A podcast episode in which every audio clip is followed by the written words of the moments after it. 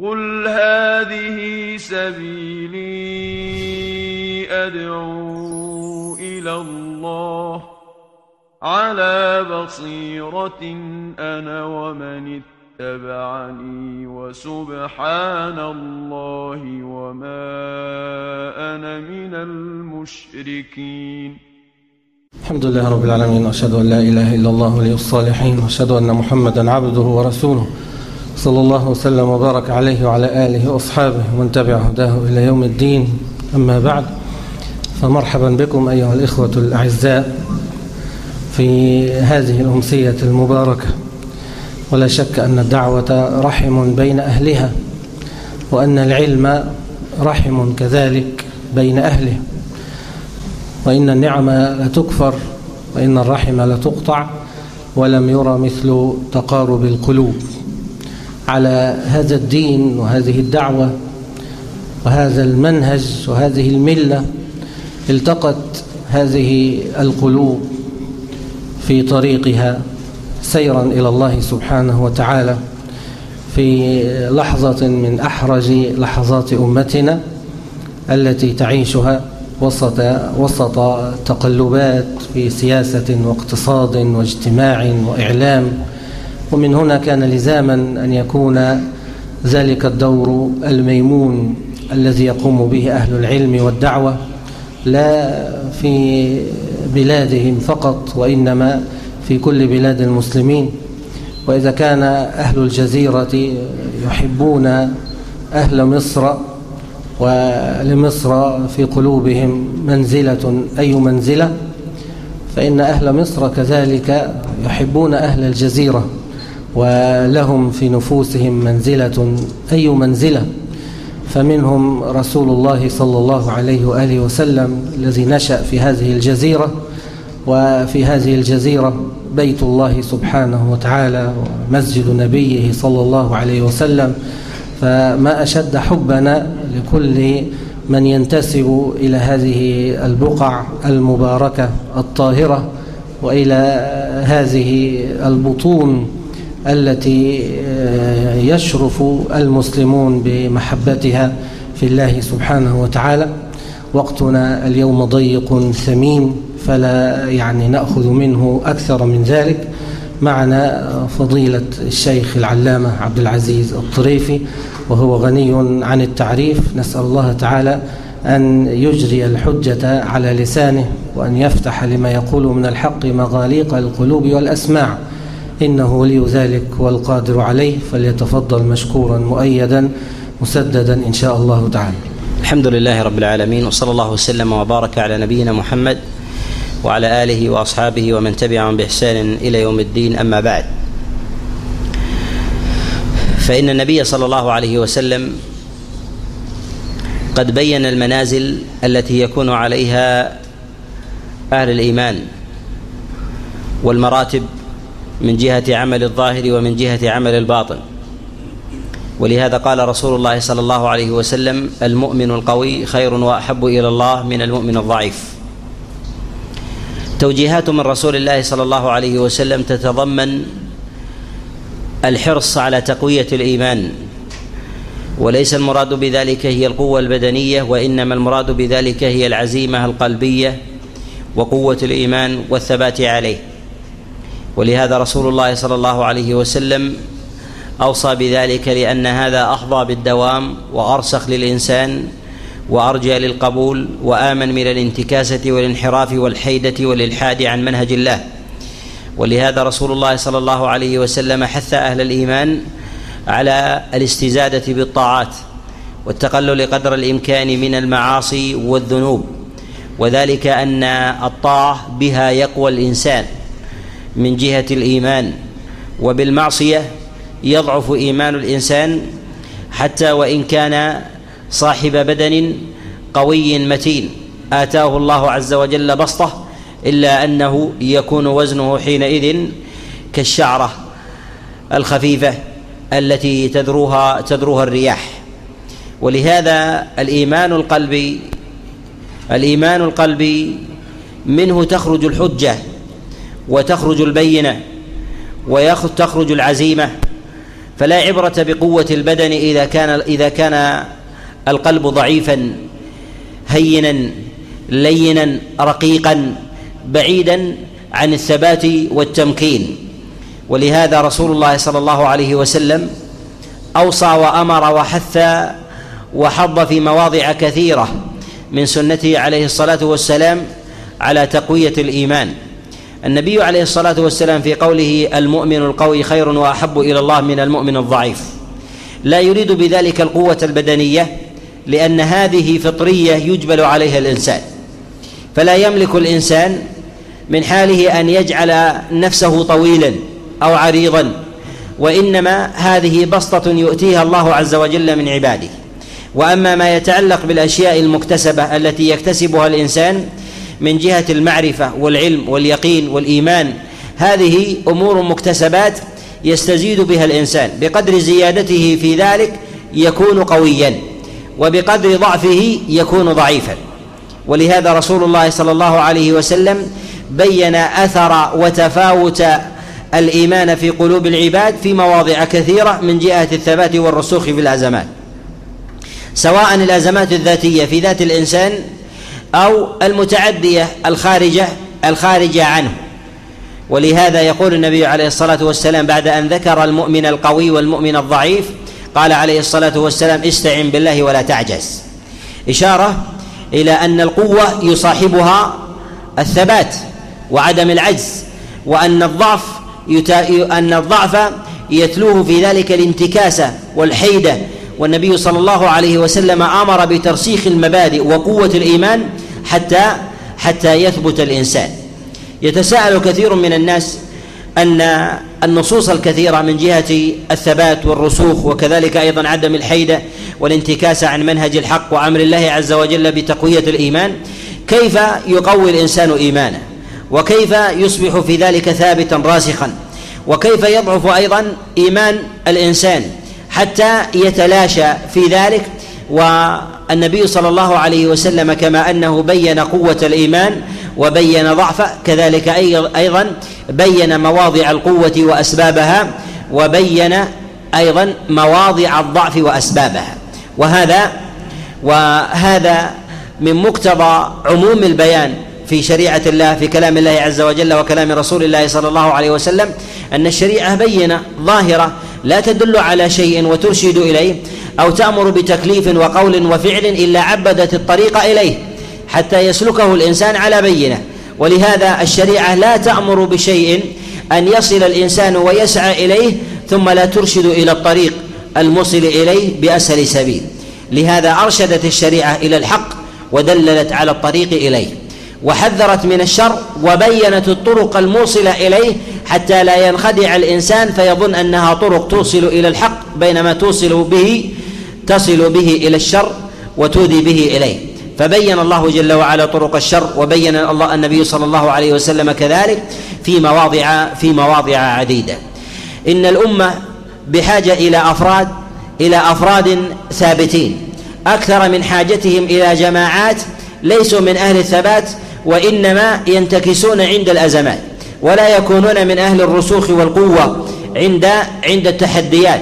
لهذا رسول الله صلى الله عليه وسلم يثبت وثبت عليه الصلاة والسلام وحيدا وانتكس أقوام وهم جماعات وذلك لقوة ما في القلب من رسوخ وعزيمة وإيمان يختلف عن غيره.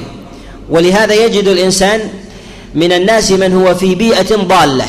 يثبته الله جل وعلا في بيئة كفر وضلال.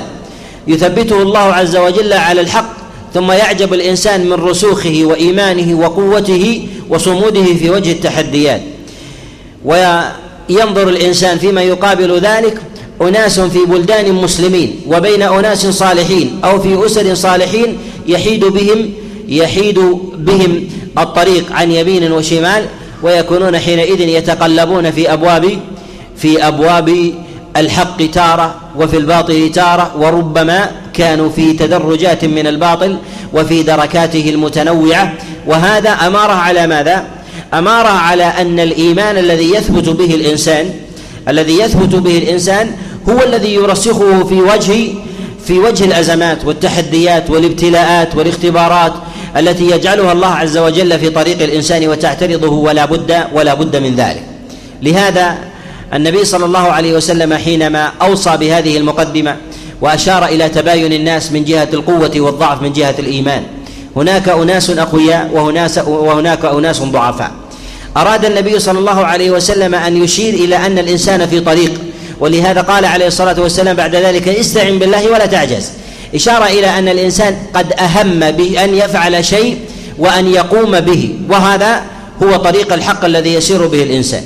الإنسان يأمر غيره استعن بالله يعني أنه سيقدم على عمل سيقدم على سير أو سيقدم على قول أو سيقدم على فعل أو غير ذلك يؤمر بالاستعانة بالله عز وجل والتوكل عليه إذا أقدم على على ذلك. لأن الإنسان في طريق يسير إلى إلى الله سبحانه وتعالى والطريق في ذلك هو الصراط المستقيم الذي أمرنا الله عز وجل بسلوكه وعدم الخروج عنه والذي ندعو الله جل وعلا كل يوم اهدنا الصراط المستقيم صراط الذين أنعمت عليهم غير المغضوب عليهم ولا الضالين. كذلك أيضا هو الذي بينه رسول الله صلى الله عليه وسلم كما جاء في حديث عبد الله بن مسعود قال خط لنا رسول الله صلى الله عليه وسلم خطا وخط عن يمينه وشماله خطوطا وقال هذا الصراط المستقيم وهذه سبل على كل سبيل منها شيطان يدعو يدعو إليها ثم تلا قول الله جل وعلا وأن هذا صراطي مستقيما فاتبعوه ولا تتبعوا السبل فتفرق بكم فتفرق بكم عن سبيله. النبي عليه الصلاة والسلام رسم طريق الحق ثم قال استعن بالله ولا تعجل وسر في هذا الدرب. وسر في هذا الدرب. واعلم أن ثمة عقبات ستأتيك في هذا الطريق. ولهذا قال النبي عليه الصلاة والسلام فإن أصابك شيء يعني في هذا الطريق فلا تقل لو أني فعلت كذا وكذا لكان كذا. كذا وكذا. لماذا؟ النبي صلى الله عليه وسلم أمر بالتوكل والاستعانة على الله والالتجاء إليه والاستبصار والاستبصار بأمره وفعل ذلك واجتناب نهيه كما جاء في كتابه وفي سنة رسول الله صلى الله عليه وسلم وأن لا يكل الإنسان إذا جاءه ابتلاء إلى تدبيره ورأيه وحذقه أنه قصر ذكاء ونحو ذلك باختيار مثل هذا الرأي. وإنما يجب عليه في ذلك أن يكل الأمر إلى الله لأن الله عز وجل هو الذي الذي أرشده إليه. أكثر الناس الذين يقعون في ابتلاءات يتبعها انتكاسات لماذا؟ لأنهم أصحاب ضعف. لأنهم أصحاب أصحاب ضعف. ولهذا رسول الله صلى الله عليه وسلم بين طريق القوة والضعف وطريق الاستعانة بالله ثم طريق الابتلاءات وحال المنتكسين وحال المنتكسين بعد بعد ذلك. الناس يتغيرون من حق إلى باطل بشيء يزلزل قلوبهم. يزلزل القلوب أو يزلزل الأبدان وذلك بشيء من الاختبار والامتحان. بشيء من الاختبار والامتحان. مهما بلغ الإنسان قوة لابد أن تاتي يأتيه شيء من الزلزلة والامتحان والاختبار. ولهذا الله جل وعلا يمتن على نبيه عليه الصلاة والسلام بتثبيت فؤاد نبيه عليه الصلاة والسلام وذلك لشيء من الاختبار والزلزلة التي يلحقها الله عز وجل بأوليائه الصالحين. يريد من ذلك اختبارا وابتلاء وامتحانا وكذلك تثبيتا وتجلدا واقتداء لمن يرى أنهم قدوة أن يسير على على مسارهم الذي هم عليه. ولهذا الله سبحانه وتعالى جعل هذه الدنيا ليست موضع موضع كرامة للإنسان. الكرامة الحقيقية للإنسان هي سلامة دينه لا سلامه لا سلامة الدنيا. ولو كانت سلامة الدنيا هي من جهة الحقيقة كرامة لكان الأنبياء أغدق الناس عيشا. وأوسعهم رزقا. وأبسطهم يدا في ذلك. وأوسعهم ملكا. وأبعد الناس عن الأذى والمرض والمصائب والهموم والأحزان التي تلحق البشر وتكدر عليهم صفهم ولكن الله سبحانه وتعالى ألحق بأنبيائه نصيبا من ذلك وافرا. لحكمة يريدها الله سبحانه وتعالى يتفاوت الأنبياء في ذلك. بل جعل الله منزلة الأنبياء بقدر البلاء. لهذا نرى أن الله جل وعلا جعل أنبياء وجعل رسل وجعل من رسله أولي عزم. وجعل سيد أولي العزم محمد صلى الله عليه وسلم. لماذا؟ لأنه إمام إمام في النبوة وفي الرسالة وفي الولاية والعبادة وإمام في جانب الابتلاء وإمام في الصبر عليه.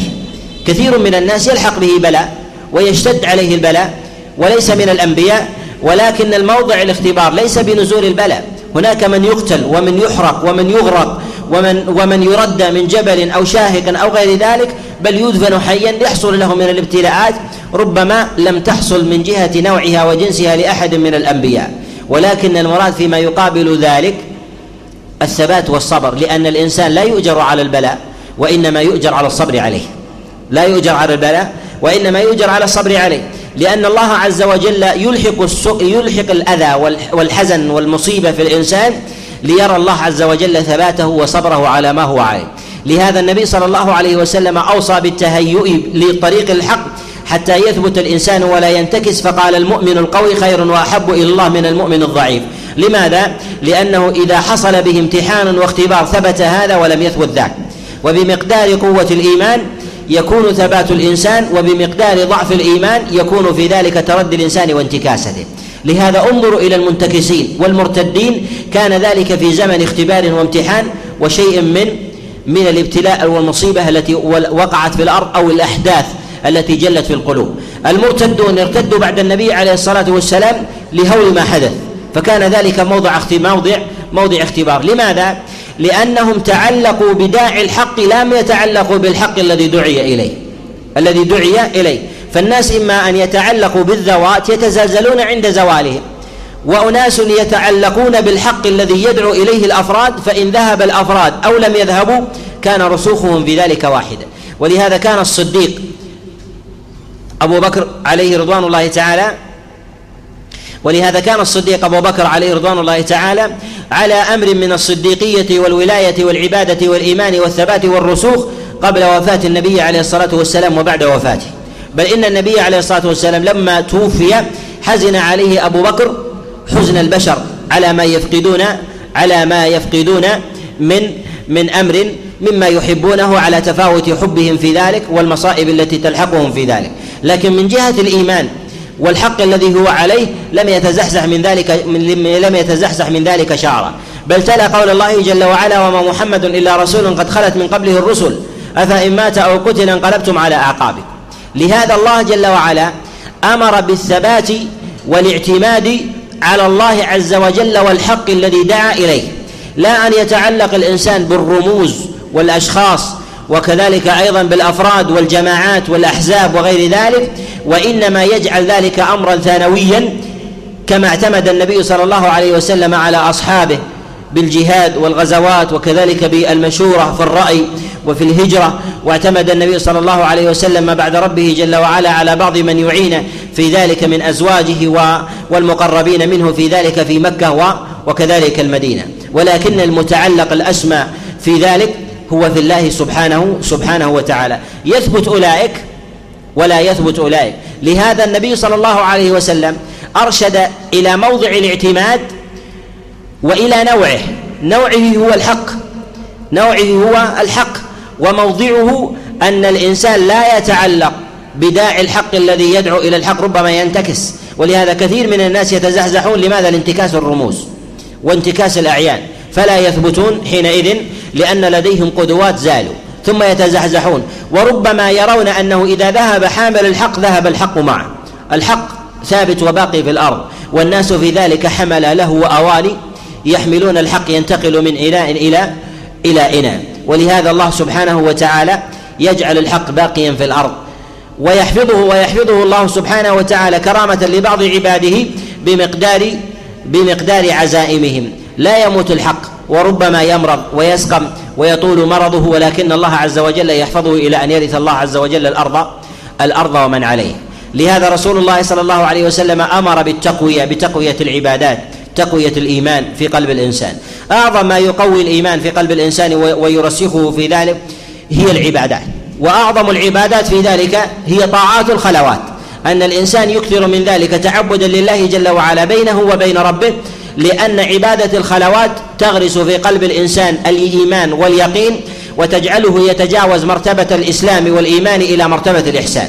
وذلك أنه يعبد الله جل في علاه كأن الله عز وجل يراه فإذا لم يكن يراه فإذا كأنك تراه فإن لم تكن تراه فإنه فإنه يراك فيعبد الله في ظلمة الليل وفي الخلوات في الفرد في الجماعة حضره واحد أو حضره الجماعة يعظم عند الله تعظم عند الله عز وجل عبادته بمقدار زكائه في أمر في أمر الخلاء. لهذا الله جل وعلا ما من نبي من أنبيائه أراد الله عز وجل أن يصطفيه في الرسالة إلا حثه على عبادة الخلاء. فأول كلام وجه الله جل وعلا إلى أنبيائه أن أمرهم بالصلاة. ومعلوم أن الصلاة إذا أمر الله عز وجل بها نبيا لا يوجد مصلون معه يصلون لأنه وحيد. أرسله الله عز وجل إلى أقوام لا يصلون. فيصلي منفردا بل منهم من يأمره الله جل وعلا بقيام الليل ولم يكن الناس حينئذ لا يصلون لا ليلا ولا ولا نهارا كما أمر رسوله صلى الله عليه وسلم. أن أمره بقيام الليل. يا أيها المزمل قم الليل إلا إلا قليلا. أمر الله عز وجل موسى أول كلمة أمر جاءت إلى موسى إنني أنا الله لا إله إلا أنا فاعبدني واقم الصلاة لذكري أمره الله عز وجل بالإتيان بالصلاة. ولهذا الصلاة أعظم الصلاة هي صلاة الليل. أعظم الصلاة صلاة صلاة الليل. أعظم الصلوات هي صلاة الفجر وصلاة وصلاة العشاء لأنها في موضع خفا لأنها في موضع خفا لا يقوم إليها لا يقوم إليها إلا قاصدا رضا الله سبحانه وتعالى وليس لمن حضرها حظوة حظوة عند عند أحد في دنياه وإنما يرجون ما عند الله عز وجل في أخرى. لهذا كلما كان الإنسان في عبادة خفاء كان أثبت عند الله سبحانه وتعالى. لماذا؟ لأنه يرسخ في الأرض. يرسخ في الأرض. ويكون ثبات الإنسان حينئذ بمقدار بمقدار خفائه. إذا كان الإنسان بدينا أو قويا أو نحو ذلك لا يلتفت إليه إذا كان القلب في ذلك ضعيفا لا من جهة المواقف ولا الشجاعة في الحق ولا الثبات عليه. وإنما ينتكس ويثبت ربما من الناس ضعاف البدن الذين يختلفون عنه لم يأتيهم الله عز وجل لم يأتيهم الله عز وجل بسطة في جسم ولا في قوام فجعل الله عز وجل لهم لهم في ذلك في ذلك ثبات لهذا النبي صلى الله عليه وسلم أرشد إلى عبادة الخفاء كثيرا وذلك لتأثيره على ثبات الإنسان. الإنسان إذا أراد إذا أراد أن يوقف عمودا في الأرض إذا أراد أن يوقف عمودا في الأرض فبمقدار ما خفى منه في الأرض يكون ثباته في جانب العلانية. وإذا وضعت عمودا دقيقا يسيرا وجعلت ثبوته في ثبوت جعلت ثبوته في الأرض رسوخا فإنه يرسخ ولو كان دقيقا. ولكن لو أتيت بعمود عريض جدا ولم تجعل له رسوخ في الأرض يسقطه تسقطه الرياح وربما يأتيه طفل ويدفعه ويقوم بالسقوط. كذلك أيضا عباده عبادة الخفا أعظم ما يقوي ما يقوي الإيمان. ولهذا العبادة اليسيرة في خفاء أعظم عند الله عز وجل من أمثالها في جانب العلانية. لهذا كانت عبادة الليل وقيام الليل أعظم من غيره. الوتر وهي ركعة واحدة أعظم النوافل على الإطلاق وهي متعددة. لماذا؟ مع كونها ركعة لأن العبرة ليس بالعدد وإنما العبرة بخفاء العبادة فكان موضعها في الليل. فلا يرى الإنسان أحد إلا ربما من قرب منه لأنه لا يرجوه لأنه لا يرجو لا يرجو حظوة عليه في دنياه وليس لديه مال لأنه ينفق على زوجه وولده. وإنما يتعبد بذلك لله سبحانه وتعالى فكانت ركعة واحدة أعظم عند الله عز وجل من سائر من سائر النوافل من الراتبة والنوافل المطلقة. وذلك لأنها لأنها في موضع خفا وكذلك أيضا ما جاء في حديث أبي هريرة عليه رضوان الله تعالى في الصحيح أن النبي صلى الله عليه وسلم لما ذكر السبع الذين يظلهم الله في ظله يوم لا ظل إلا ظله. ذكر النبي عليه الصلاة والسلام منهم رجلا ذكر الله خاليا ففاضت عيناه. ذكر الله خاليا. ليس العبرة بالبكاء ولكن العبرة هو بالبكاء خاليا. يعني وحدك ليس عندك أحد. لأن القلب لا يرى أحدا. لا يرى أحدا. لأن الدمع يستدر بوجود غيره إما عاطفة أو مواكبة للناس. فيستدر الناس الحزن ويستدرون الفرح وغير ذلك. ولهذا يوجد في أحوال الناس أنه يحزن إذا وجد إنسانا حزينا ولا يعلم السبب. لفطرة فطر الله عز وجل عليها الناس. ومن الناس من يضحك إذا رأى الناس يضحكون ولا يعلم ما هو السبب. لشيء جبل الناس عليه بأمر المشاكلة. ولكن الإنسان إذا كان خاليا تتحقق حينئذ السعادة والحزن والخوف والخشية والمحبة لله عز وجل على وجهها الحقيقي بلا محاباة لأحد. لهذا كانت دمعة واحدة تكون من الإنسان في الخلاء أعظم عند الله عز وجل من عبرات تسكب في في العلانية.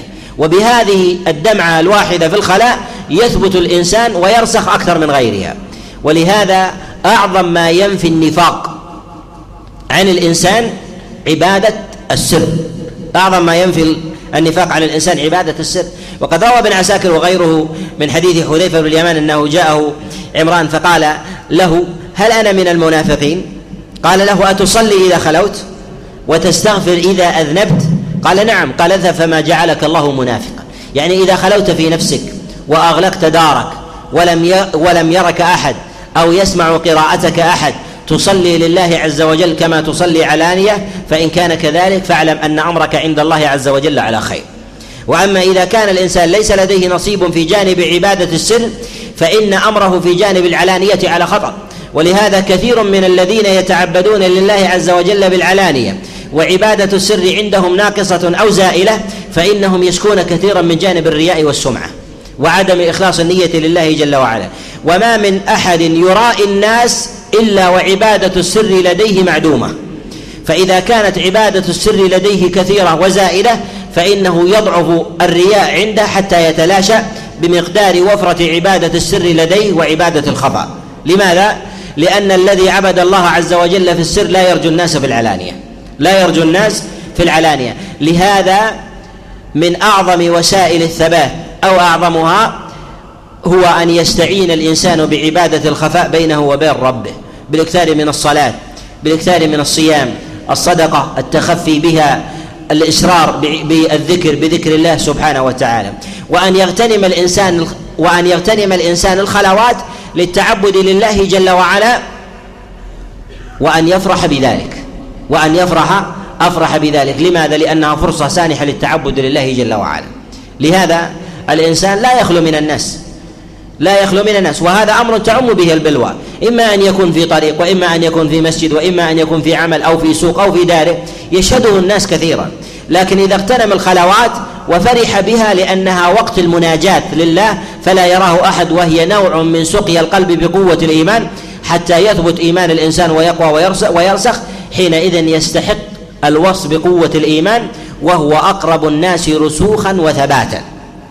أقرب الناس رسوخا وثباتا.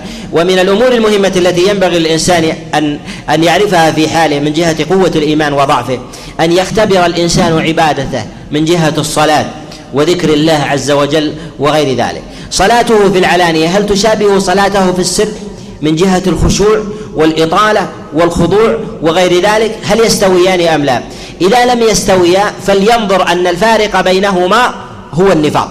الفارق بينهما هو النفاق. ولهذا ذلك النفاق الذي هو النفاق العملي لا يكاد يسلم منه إلا إلا الخلص والكمل من أولياء الله سبحانه وتعالى. الذي إذا صلى في علانية وبكى صلى في الخفاء وبكى. وصلى وخشع في العلانية صلى في الخفاء وصلى وخشع لله سبحانه وتعالى وطول صلاته وخشوعها وقراءته في الخفاء كصلاته في جانب في جانب العلانية. وهل يؤدي ما يؤديه من نوافل في الصلاة؟ لو أدى الصلاة في بيته ما يؤديه في الجماعة؟ على حد سواء من خشوع وإطالة وذكر لله جل وعلا وسنة راتبة فإذا كان كذلك فليعلم أنه على قدر من الثبات واليقين والإيمان وقوة وقوته بإذن الله تعالى. وأما إذا وجد الإنسان تباينا في ذلك فهذا هو المقدار الدقيق في ذلك والناس يتباينون بين فجوة البعد بين الظاهر والباطن. فجوة بين البعد في بين الظاهر والباطن. لهذا ينبغي للإنسان أن أن يستزيد من الخفاء حتى ترسخ يرسخ له جانب العلانية فيثبت عليه. ولهذا المنتكسون عن الحق الحائدون عنه في زمن الابتلاءات وزمن الشدائد وزمن المصائب أو زمن المواجهة أو غير ذلك ليعلم أن نصيبهم من جانب الحق إنما هو ظاهر فانتكسوا عن الظاهر ما انتكسوا عن الحقيقة الباطنة. ما انتكسوا عن الحقيقة الحقيقة الباطنة. ولهذا نقول إن إن قوة الإيمان والعناية بها وغير ذلك ينبغي للإنسان أن يرسخ إيمانه بأمثال هذا بأمثال هذه العبادات عموما. وأعظم العبادات هي عبادات الخفاء وتتعاظم عبادات الخفاء بمقدار تعظيم الشارع لها. بمقدار تعظيم الشارع الشارع لها فإذا خلى الإنسان وأغلق بابه وأسدل الستارة فليغتنم ركعتين أو يغتنم تسبيحا أو يغتنم تهليلا. إذا خلا في طريق ليس فيه أحد يذكر الله ويسبحه ونحو ذلك يغتنم الخلوات للطاعات. فيكثر من ذلك حتى يرسخ الإنسان في هذا حتى يرسخ الإنسان في هذا في هذا الباب. ويكون فرحه في جانب الطاعات في الخلوات كفرح أهل المعاصي في الخلوات للشهوات. فيفرح في ذلك حينئذ يعلم الإنسان مقدار اليقين والإيمان الموجود لديه أنه صاحب قوة. لماذا؟ ورقابة إلهية أنه يعلم أن هذا ينصرف إلى الله. لا يوجد أحد يجامل ولا يحابى ولا يطلب ولا يطلب من جهة الرجاء ولا الخوف ولا المحبة. فينصرف ذلك كله لله سبحانه سبحانه وتعالى. وليحذر الإنسان أيضا من قوادح عبادة الخفاء. أنه يتعبد في الخفاء ثم يفسدها بالحديث عنها. ويكون حينئذ قد فعلها خفاء وحدث بها بعبارة واحدة وكأنما فعلها في جانب العلانية. فليتعبد في الخفاء ويحوط عبادة الخفاء أن تفسد عليه بشيء من مداخل من مداخل من مداخل الشيطان. النبي صلى الله عليه وسلم بين في مواضع كثيرة وكذلك أيضا في آية القرآن كثير أن العبادات هي تزيد في جانب في جانب إيمان العبد وقوته وثقله وهذا له أثر على ماذا؟ على رسوخ الإنسان وثباته ثباته في ماذا؟ ثباته عند الابتلاءات والشدائد والمحن وغير ذلك ما من أحد إلا ويهز في البلاء والامتحان وذلك ربما بنكوص الناس عنه أو بوجود تيارات مواجهة له تيارات شركية تيارات بدعية تيارات فكرية ضالة تواجه الإنسان بقدر ثباته يصمد امامها وذلك كصمود الماديات في وجه الرياح. منها من يجتالها يرى الإنسان الطريق. إذا جاءت رياح ثمة أشياء يأتي ويديرها الريح معه. وثمة أشياء تهتز اهتزازا يسيرا وثمة أشياء ثابتة في الماديات كذلك أيضا القلوب. منها ما تجول منها ما تطير بها الرياح ومنها ما تهزها ومنها ما تبقى ثابتة شامخة لا يهزها شيء كذلك أيضا القلوب. ولهذا في موضع مداخل الشيطان على الإنسان أنه أسهل مواضع التغيير على الإنسان تغيير الحقائق في قلب الإنسان هي مواضع الابتلاءات التي تأتي الإنسان موضع لهجوم الإنسان على قناعات الإنسان ليغيره. لماذا؟ لأن القلب والفكر رقيق جدا فيقوم بتشكيله. ولهذا الله عز وجل ذكر عن حال الصحابة لما بلغت القلوب الحناجر. ماذا ذكر الله؟ قال وتظنون بالله بالله الظنون. من هم؟ هم الصفوة من هذه الأمة بعد نبيها عليه الصلاة والسلام. يعني أن موضع الابتلاء يظنون في ذلك أن هل هم على حق أو ليس بحق. يأتي الإنسان نوع من الأفكار أو نحو ذلك. لماذا نحن على هذا؟ وهذه الشدة وهذا وهذا الابتلاء.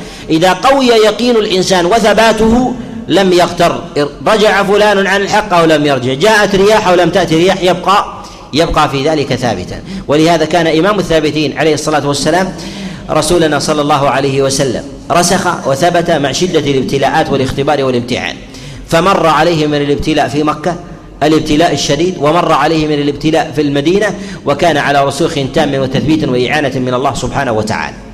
وذلك لكماله في في جانب العبودية لله سبحانه وتعالى وكمال عون الله عز وجل له وتسديده. لهذا نقول إن أول ما يزيد إيمان الإنسان هي جوانب العبادات والإكثار من ذلك والخفاء أعظم عند الله عز وجل من العلانية. الجانب الآخر الثاني وهو مهم أيضا الاستعانة والتوكل على الله عز وجل وعدم الاعتماد على النفس عدم الاعتداد الاعتماد على النفس. فلا يعتمد الإنسان على حذقه وذكائه ودرايته بل يتضرع لله عز وجل ويوجل من إزاغة القلب لأن القلوب بين اصبعين من أصابع الله جل وعلا. وأن لا يغتر بذلك وعلامة ذلك وأمارته من جهة الاعتماد على الله أن يكثر من دعاء الله عز وجل الهداية. ولهذا ما أمر الله عز وجل الناس في كتابه العظيم أن يدعوا في كل ركعة اهدنا الصراط المستقيم. لماذا؟ حتى تكون هداية الله عز وجل للإنسان أثبت. ولكن الناس يسألون الله عز وجل الهداية على الصراط المستقيم ومع ذلك نرى, نرى الناس يضلون. لماذا؟ لأنهم يسألون الهداية ولا يتفكرون بقلوب ساهية لاهية. والإنسان إذا دعا من غير تفكر وحضور قلب هذا هذيان لا يسمعه الله. لا يسمعه الله. ولهذا أكثر الناس يأتون على الدعاء في سورة الفاتحة هذا وهو من أعظم من لم يكن أعظم دعاء يأتون إليه يتلونه تلاوة كتلاوة العجم لا يتدبرون فيه. وهو أكثر دعاء يتلوه الإنسان في يومه وليلته ومع ذلك يرى الإنسان يرى الإنسان الناس تضل ويرى حيدة الإنسان ربما نفسه عن الحق في كثير من المواضع وهو يتلو هذه الهداية. هل الله عز وجل ما استجاب؟ لا إنما أنت دعوت بذلك هاديا كحال النائم. كحال النائم. ولهذا النبي صلى الله عليه وسلم استعاذ من دعاء لا يسمع.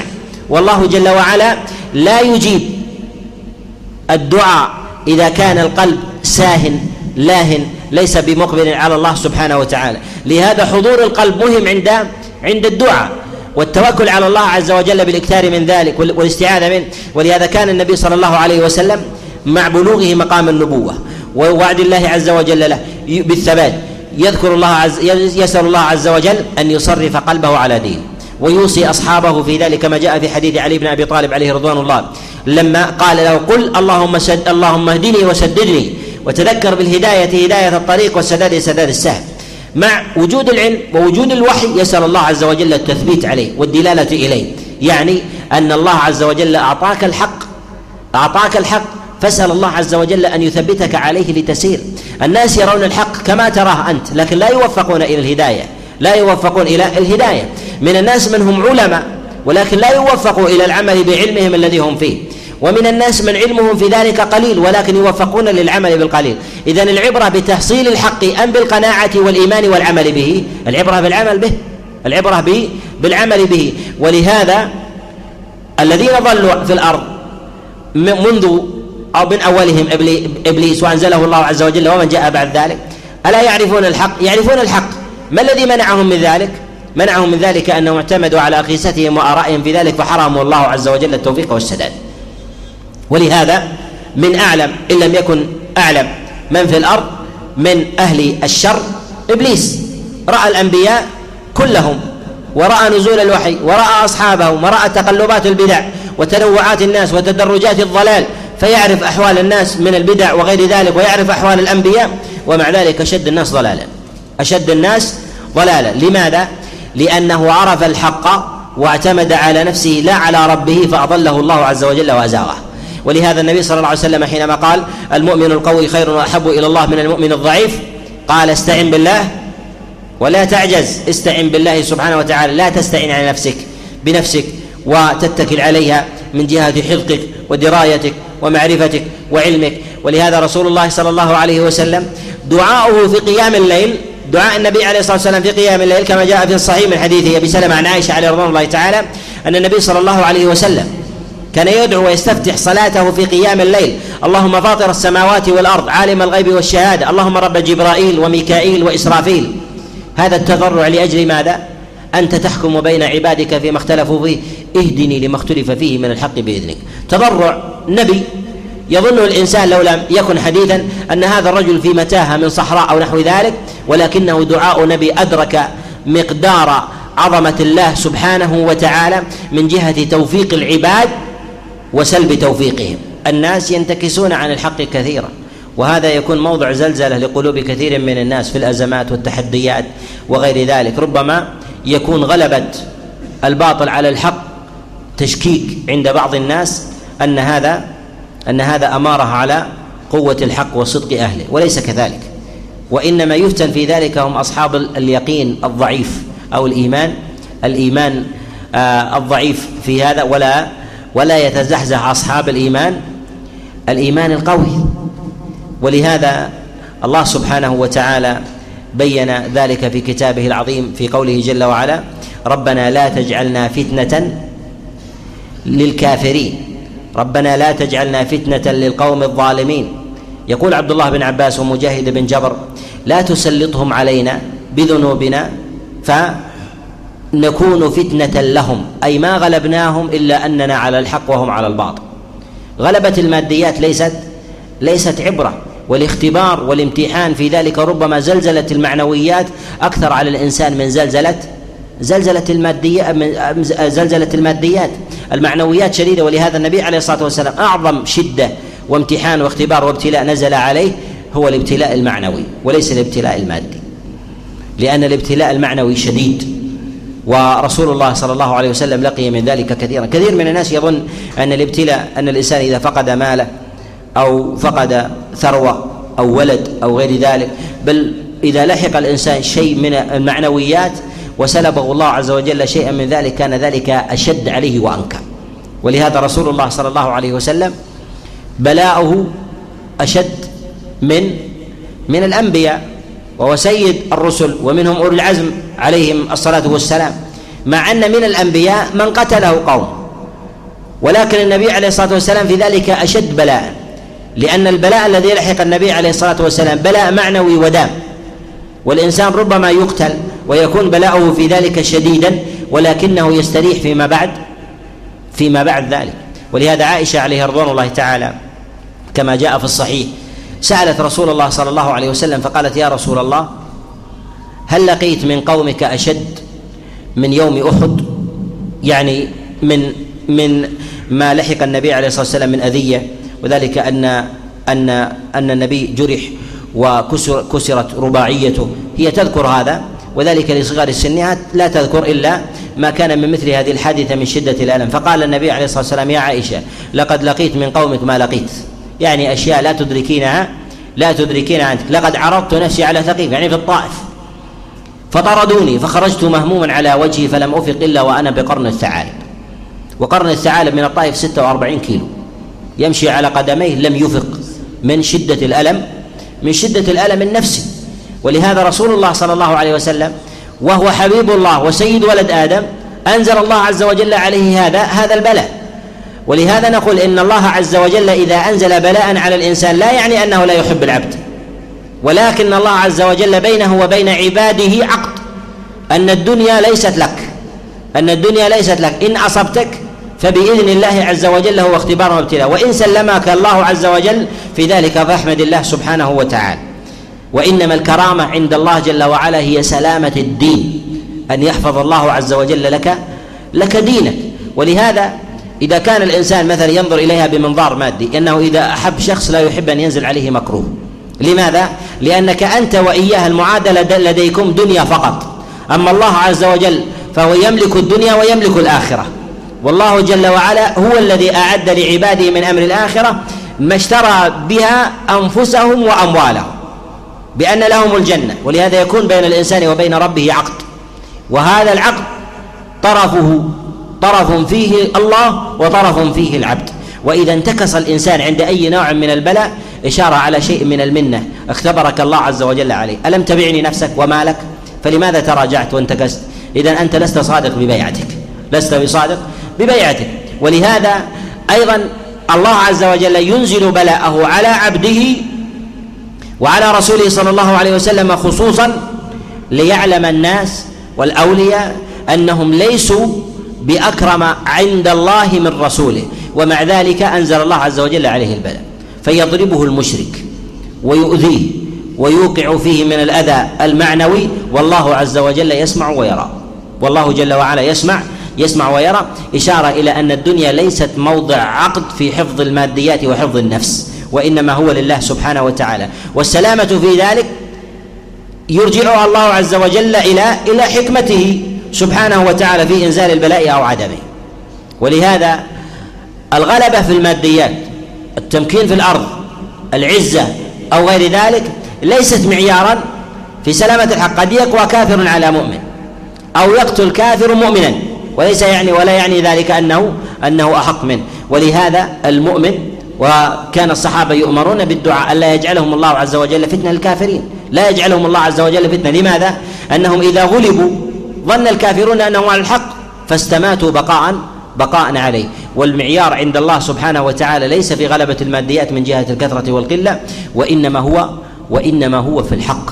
ولهذا كان رسول الله صلى الله عليه وسلم موقنا بهذا المعنى من جهة اليقين وينزل به البلاء ويعلم أن هذا خارج معادلة سلامة الدين وخارج معادلة الحق والباطل والخير والشر والصواب والخطأ وإنما هو دائرة دائرة أخرى. وهذا يشيرنا إلى مسألة مهمة وهو أن من وسائل الثبات هو العلم بالحق والعلم بالباطل.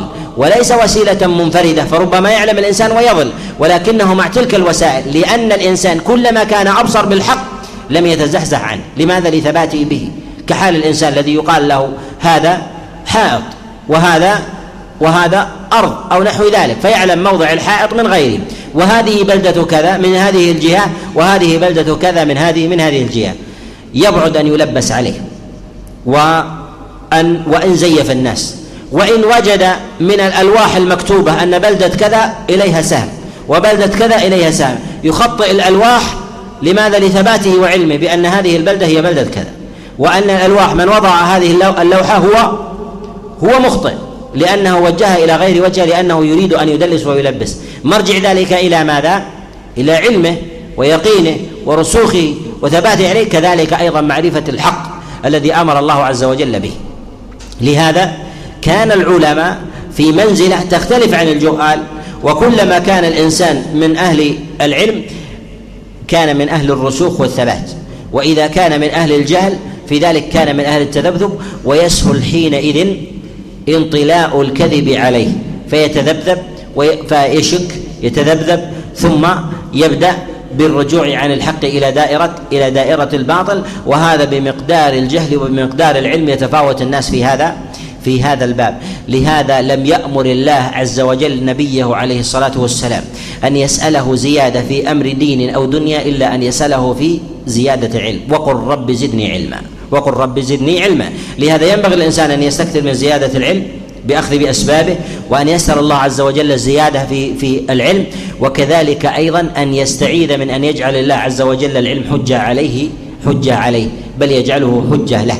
من جهة العمل والدلالة إلى الخير وإقامة الحجة الحجة في في الناس. من جهة الأمر بالمعروف والنهي عن المنكر لأن هذا من المعين على تثبيت تثبيت الحق. فإذا قام الإنسان بالحق في غيره فإنه يقوم في في نفسه من باب من باب أولى. والعلم في ذلك على مراتب. أعلاه توحيد الله جل وعلا الذي لأجله خلق الله سبحانه وتعالى خلق الله عز وجل البشر. وما خلقت الجن والإنس إلا ليعبدون. يعني ليوحدوني ويطيعوني طوعا أو كرها.